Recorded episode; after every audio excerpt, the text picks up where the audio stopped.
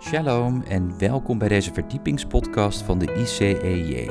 Mijn naam is Joshua Beukers en samen met Jacob Keegstra gaan wij weer een verdieping zoeken van de Hebreeuwse wortels van ons christelijk geloof. In aflevering 224 gaan we het hebben over de Torah-lezing Vayera. En ik verscheen. God laat zien in Egypte wie de echte God is. Wij wensen u veel luisterplezier. Niet alleen goed, maar tof. Ik zat daar en ik eh, zag eh, die grote banner voor het eerst. En is op zich wel heel mooi, hè? Dat gaat natuurlijk ook over Shema, hoor. En dat het notabene ook in de Berea gemeente over Rabbi. Nou, dan zijn we toch al een heel. Ja toch? Amen. Ehm, vorige keer waren er volgens mij iets meer. Nu zijn we wat meer die wolk van getuigen die eh, om ons heen is. Mensen, eh, Shabbat en met Parasha Vayera. En God verscheen. Als God verschijnt, dan gebeurt er iets. En ik heb uh, dit eigenlijk de preek van de drietallen genoemd. Want hier komen er een aantal keren een drietal in naar voren. Nou, voor mensen die het willen opschrijven, hè, kan al die handen zijn, punt 1, punt 2. Eerst even terug. Vorige week, Leg Lega, de roeping van Abraham. Dat is een van de allermooiste parasha's uit de Bijbel. Dat God kiest één persoon om tot zegen te zijn voor allen. Dat is direct de eerste rol van Abraham en in zijn verlengde van heel Israël is de geboorterol. Geboorterol om de wereld te zegenen en Israël is een voertuig tot redding voor de wereld. En dat is niet de keus van Israël, maar van God. En niet omdat Israël nou zo goed en geweldig het allemaal deed. Nee. Vorige keer gelezen. Als God dat verbond met Israël sluit. En Abraham die vijf dieren uh, neemt en deelt. Ten eerste dat de tegenstander ja, ik zou bijna zeggen als de kippen bij is, maar nu als de gieren bij is om alles wat God doet weg te roven. Herkent u dat? Als God iets goeds doet en wil doen, dat de tegenstand er als de kippen bij is om het weg te roven. En vervolgens komt er ook een angstaanjagende diepe duisternis als een beeld van het lijden wat Abraham en wat Israël ondergaat. Maar God gaat door dat offer heen. Het is dus niet de trouw van Israël die centraal staat, maar de trouw van God. En daarom is ook God te vertrouwen. Want er zijn mensen die in vervangingstheologie geloven. En dan is de gedachte, God is ooit met Abraham en Israël begonnen. Maar ja, die deden het ook niet helemaal wat God bedacht had. Dus toen is God maar via Jezus met die christenen verder gegaan. Maar ja, die doen ook niet helemaal uh, wat God bedacht had. Dus ja, dan moet je eigenlijk moslim worden. Hè? Want dan is de ultieme openbaring Mohammed met zijn. Dat heet een dubbele vervangingstheologie. Ja, ja, bedoel. Als je dan toch als christen denkt in vervangingstheologie, dan moet je als je eerlijk bent moslim worden. Ja, maar wacht even. Niet omdat Israël altijd zo trouw is of omdat wij altijd zo goed zijn, maar omdat God trouw is. En daarom is hij te vertrouwen. En kunnen wij ons geloven, dat vertrouwen in hem stellen. En God gaat ook iedere keer weer opnieuw met zijn volk verder. Amen of amen? Nee, geef je ook geen keus. Maar de Bijbel geeft ons ook geen keus. Nou, dus we hebben punt 1 gehad dat Israël uitgekozen wordt tot zegen voor de volkeren. Maar dat vervolgens Israël behoorlijk onder die duisternis en door de eeuwen heen die leidende rol gehad heeft. Notabene tot veertien keer toe. Want de Bijbel zegt aan de ene kant, u zult dubbel voor alle dingen ontvangen. En aan de andere kant, ze zullen zeven keer boeten. Nou, ze hebben zeven keer twee, veertien keer alles ondergaan. Maar nou vandaag de derde rol. Dat gaat over de priesterlijke rol die Israël geeft en doet om die wereld te zegenen. Maar allereerst, en dan ga ik toch even weer terug naar Genesis 18, waar het mee begint. En daarna verscheen de Heer aan Abraham. En dan gaat God met Abraham in gesprek. Want God wil Abraham deelgenoot maken van de plannen van God. Mensen, dat is ook een uitdaging voor ons. Hè? Als wij tot geloof gekomen zijn, dan wil God ook dat we met Hem wandelen en wil God ons gaandeweg dingen openbaren. God komt nou, nou te benen met twee engelen, met z'n drieën bij Abraham en vertellen het plan van God. Dat hij van plan is om Sodom en Gomorra te vernietigen. En dan gaat, en dat hebben we gelezen, dan gaat Abraham pleiten. Bidden en niet zomaar wat. En dan zien we, en dat was vorige keer al een klein beetje voorbereid, dat Abraham een leidersrol op zich neemt. Hij wordt niet voor niks ook. En in Abraham Israël wordt tot een hoofd der volkeren gesteld. Wij hebben Israël tot een voetveeg gemaakt. Maar God gaat zijn volk in die leidende rol met de korte ei als leiders gebruiken. En dat zien we al bij Abraham. Want de vorige keer, toen er dus ruzie was tussen de herders van Abraham en de herders van Lot, dat Abraham zijn persoonlijke verantwoordelijkheid neemt. En ik denk nou, die jongens zoeken het maar uit. Nee, hij komt tussen beiden. Hij neemt zijn verantwoordelijkheid op zich. En ook als dan zijn neef Lot gevangen wordt genomen, dat Abraham niet zegt, nou ja, had je maar niet daar moeten gaan wonen. Nee, Abraham gaat met 318 mensen hem achterna tot aan Damascus toe, dus dat is even lopen. Hij had geen paard, hè? Hij had geen limousine. Nou ja, de snelweg hier bij Apeldoorn is ook uh, file, dus zo hard ging dat ook niet. Maar Abraham, dat moet allemaal te voet. En hij ging hem tot Syrië toe achter de volgen. Met andere woorden, hij nam zijn morele verantwoordelijkheid voor zijn familie. En by the way, ging hij zelfs de koning van Sodom ook nog mee bevrijden. Die wil hem zegenen en van alles geven en Abraham zegt, hoeft niet. Maar dan komt Melchizedek, hè, de, u kent dat verhaal. Die komt met brood en wijn de vader van gelovigen tegemoet. Brood en wijn is een beeld van leef toch van voor onderweg. Maar bovenal natuurlijk een beeld van. U zegt het zelf. Amen. Maar nu zien we dat Abraham een derde verantwoordelijkheid op zich neemt. En dat is zijn verantwoordelijkheid voor het collectief. Dat wanneer Sodom en Gomorra door God zelf, dat God van plan is hen te verwoesten, dat Abraham tussen beiden komt als een middelaar.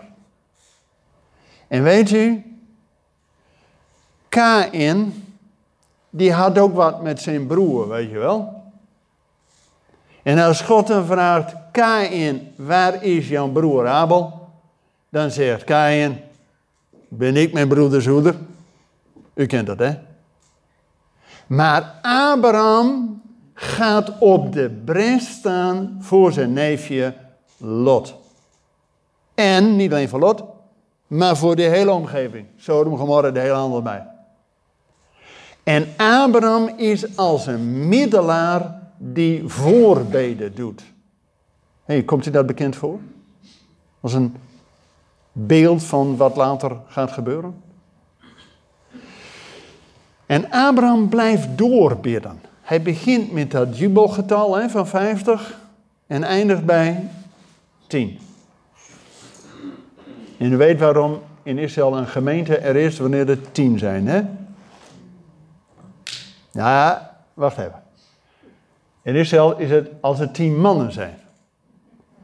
Maar Abraham weet dat er 10 rechtvaardigen zijn. Er kan verschil tussen zitten.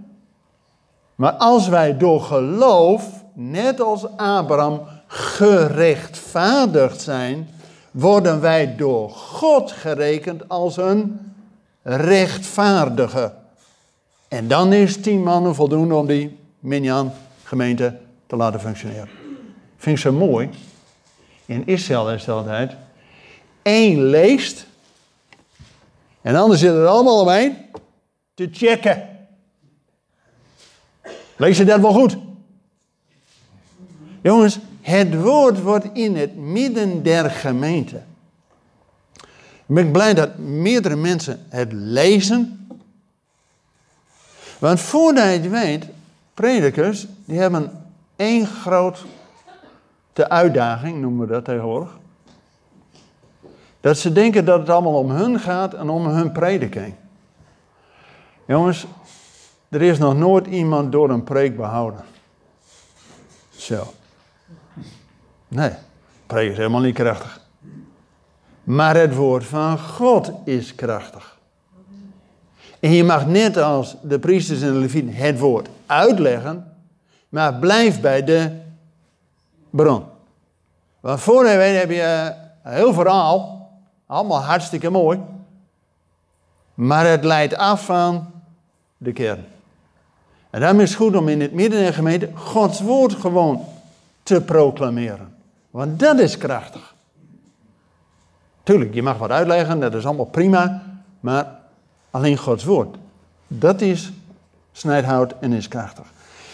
En dan blijft dus eh, Abraham als een middelaar pleiten voor Sodom en Gomorra. Dus drie, die drieslag van Abraham. Eerst een persoonlijke verantwoordelijkheid bij die herders. Dan een morele verantwoordelijkheid voor zijn neef Lot, die gevangen was.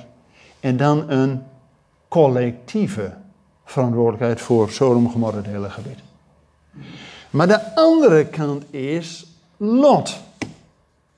Dan zien we ook een drietal. Kent u Psalm 1? Vast alleen zo gehoord. Ja. Hoe ging dat ook alweer? Welzalig de mens die Oké, oké, niet zo snel, niet zo snel, maar we lezen er altijd overheen. We lezen er altijd overheen, maar daarom ben ik blij dat iemand even het reciteert. Daar staat precies het proces waar Lot in terecht kwam. Hij ging eerst bij Abraham weg naar uh, de vlakte van uh, Jericho, de velden, de, de, de vlakte van de Jordaan. Dus eerst wandelt hij daar in de omgeving. Vervolgens staat hij daar en luistert naar wat die mensen daar allemaal zeggen. En vervolgens lezen we, zit hij daar, notabene ook nog in de poort, bij de machthebbers. Dus hij ging van wandelen naar staan, dus hij blijft erbij stilstaan en om te luisteren. En vervolgens zit hij erin. Nou, dat is Psalm 1 dat we niet wandelen, niet staan, niet zitten in de raad van de goddelozen. Nou, waarom wilde God Sodom en Gomorra omkeren? Oké. En dan moeten die twee engelen moeten echt Lot bij alles uh, pakken om eruit. En dan zien we in de schrift, dan is een bepaald leestekentje. En die wordt maar vier keer in de Bijbel gedaan. Als er een cruciale beslissing wordt gevraagd van de persoon, ja, dan weet de. Kijk, u weet, de, de, de Torah wordt eigenlijk zingend geproclameerd. Dan weet de voorzanger ook niet precies welke kant het op gaat. Gaat dat de goede kant op of gaat het de rechterkant op? Daar is een keerpunt, een crisis. En een daarvan is hier bij Lot. Wat gaat hij nou doen? Blijft hij hangen daar bij de vleespotten van Egypte of bij de rijkdommen van Sodom? Ook Israël hè, wilde gewoon terug naar de vleespotten van Egypte. Dus het komt meerdere keren in de Bijbel voor. We lezen nu uh, samen Nehemia en Esra, die gedeelten, dat na de ballingschap. Jongens, was maar een handje vol wat terugging. Hè? De meerderheid die vond het wel best daar in Babel. Jongens, ook voor ons direct de toepassing. Hoe wereldgelijkvormig zijn wij? Hè?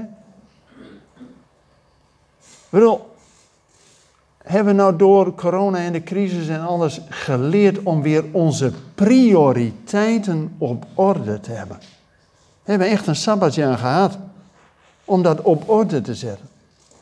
Of dan gaan we weer eh, de oude dingen doen eh, van vroeger. Wij zijn als christelijke besanen direct begonnen vorig jaar, half maand, om het gebed weer meer prioriteit te geven. Dat deden we altijd al. Maar anders gingen één of twee keer per jaar fysiek naar Jeruzalem. Nou kan dat niet. Maar ik ben nu wekelijks met Israël betrokken. En iedere woensdag hebben we Global Prayer. En dat is vanuit Jeruzalem, gewoon via Zoom. Maar wereldwijd kan het gevolg zijn. En doen honderden en honderden mensen aan mij. Om te bidden voor Israël, bidden voor het Midden-Oosten, waar daar gebeurt ook veel. Er komen 10.000 mensen per maand tot geloof in Iran. Of all places. Weet je wel, maar al, al die ayatollahs en die mullahs en die weet ik wat. Ze hebben daar een minister van religieuze zaken. Die man is al drie keer vervangen. Maar die doet zijn werk niet goed. Nou heeft de op, die, die, die functie zelf in beheer, want er komen iedere keer te veel christenen. Dat is, niet, dat is geen PR voor hun verhaal. Als je dan toch in die dubbele vervangingstheologie, dan kun je het natuurlijk niet teruggeven naar een minderwaardige God. Snap je? Zij zijn echt, hebben een probleem hoor. Maar als Gods geest aan de gang is, tada, het evangelie is bijna de wereld rond, nu in Iran, en dan de volgende halte is back to Jerusalem. Vergt iets meer tijd om het allemaal uit te leggen, maar oké. Maar we bidden dus voor Israël, voor het Midden-Oosten en ook voor ons eigen land. Dat ook wij weer een regering mogen hebben die godvrezend is. En Israël niet aan de kant doet, maar dat we de ambassade weer terug doen. Ja toch? Kan toch? Andere landen gaan ons voor. Dan zitten wij als christelijke ambassade ook niet alleen in Jeruzalem. Dan uh, hebben we weer een paar andere wapenbroeders. Jongens, er gebeuren een hoop dingen. Dus het gebed in God antwoord op gebed. Nou, dat hebben we iedere woensdag. Kun je ook gewoon uh, aan deelnemen, hè? kost niks. Ben je toch met Jeruzalem verbonden. En uh, één keer in de maand, aan het begin van de maand, Hebreeuwse kalender, het Rosh Godes gebed. Nou, we begonnen anderhalf jaar geleden met acht uur, even rustig aan beginnen. Inmiddels is dat naar 140 uur doorgegroeid. Ja, als je ook in 140 landen zit, ieder doet een uurtje, dan is dat niet zo moeilijk, hè? En dan uh, begint het in Jeruzalem. En dan, uh, nou ja, Griekenland, Italië, uh, Nederland, Ierland. En dan wordt Brazilië wakker. En als die gaan slapen is Maleisië wakker. Zo gaat het erom. Dus jongens, dan is 24 uur gebed voor de troon van God. Te bidden voor Israël, Midden-Oosten en je eigen land. Is geweldig? Ik word daar zeer door gezegend. Nou. Dus welke prioriteiten doen we als lot dat we nog steeds in de poorten van Sodom zitten en dat een engel van God er nodig is om eruit te halen? Of kan God ook nog rechtstreeks tot je hart spreken? Want jongens, Als we dan ook de Nieuwtestamentische lezen, dat Yeshua zegt, het zal in de eindtijd worden als in de dagen van Lot. Eten en drinken, nergens uh, behoefte aan. En plotseling overkwam hen dat. Wie had anderhalf jaar geleden gedacht dat door zo'n onzichtbaar virus plotseling wereldwijd er geen kerkdienst meer is? Als je dat een jaar ervoor had gezegd, dan je, nou, kan niet. En plotseling overkomt het je. Ja toch? Peter Tsukahira, die ook iedere week meedoet met de Global Prayer, noemt dit, dit zijn de geboorteweeën van de komst van de Messias. Maar ik geloof ook niet dat dit straks voorbij is. Er komt er wel weer wat anders en dan weet ik het wat. Maar zijn wij voorbereid om de Heer te ontmoeten? Hebben wij ons leven op orde? Maar weet je, het beloofde land intrekken, zoals ook Josia het beloofde land in. Nou, Abraham moest al alles achterlaten. Hè? Vorige week, hè? die roeping van Abraham. Moest alles achterlaten. Ook Josia, toen hij het beloofde land in ging, moest hij zijn schoenen en daarmee zijn eigen autoriteit afleggen. En ook Yeshua liet alles hè, om de Heer te volgen. Niet mijn wil, maar uw wil. Mensen, als je niet alleen de, de Torah-lezing, ja, en dat eindigt natuurlijk met de Akeda, hè, de binding van Isaac. Dat is die derde rol waar God Abraham en Isaac gebruikt om het offer te brengen. Ik ben blij dat we het gelezen hebben. Er staat, en God zei, neem uw zoon, uw enige, die u lief hebt, Isaac. Dus over wie heeft God het hier? Ja, en bij name genoemd, hoe? Oké. Er zijn ook anderen die denken dat het iemand anders was, hè? Dat Ismaël was. Dat is vervangingstheologie. Hier staat dat God heel duidelijk zegt: Neem uw zoon, uw enige die gij lief hebt, Isaac. Dus over wie heeft God het hier? Isaac. Oké. En dan, Abraham zegt niet, nou dat doen we nog wel eens een keer. Direct de volgende dag zegt hij, Hineni, hier ben ik en ik ga op pad. Jongens, dat is de houding die de vader van alle gelovigen doet. Hè? Als God roept, zeg nou, prima, komt nog wel een keer. Nee, hineni. En direct de volgende dag, ochtend vroeg, en is drie dagen onderweg, hè? En dan krijg je ook nog zo'n vraag van jezelf: van, ja, ja, pa, je hebt alles, maar uh, als een lam dan. Dat je dan in vertrouwen al proclameert: God zal voorzien. Hè? Hij wist het toch ook niet? Hij wist wel, gaat spannend worden. Want de Akeda, de binding van Isaac, is de ultieme beproeving van Abraham. Hè? Hij had uiteindelijk tien beproevingen. De eerste was om uit zijn land te gaan. En de ultieme is je zoon. Heb je honderd jaar op gewacht, hè? Nou, hier zijn vast ook vaders in de zaal. Het zal je maar gevraagd worden. En dan op het moment dat Abraham eigenlijk al heeft overgeleverd, zegt engel, ho, stop. Nu weet ik dat je zelfs je zoon en daarmee de belofte want God had hem toch beloofd van, je zult een groot volk zijn. Menigte niet te tellen. Nou, is, is die belofte ook uh, een geruzelementen. Maar hij krijgt hem als, en dat zien we ook later in Hebreeën, als uit de dood terug.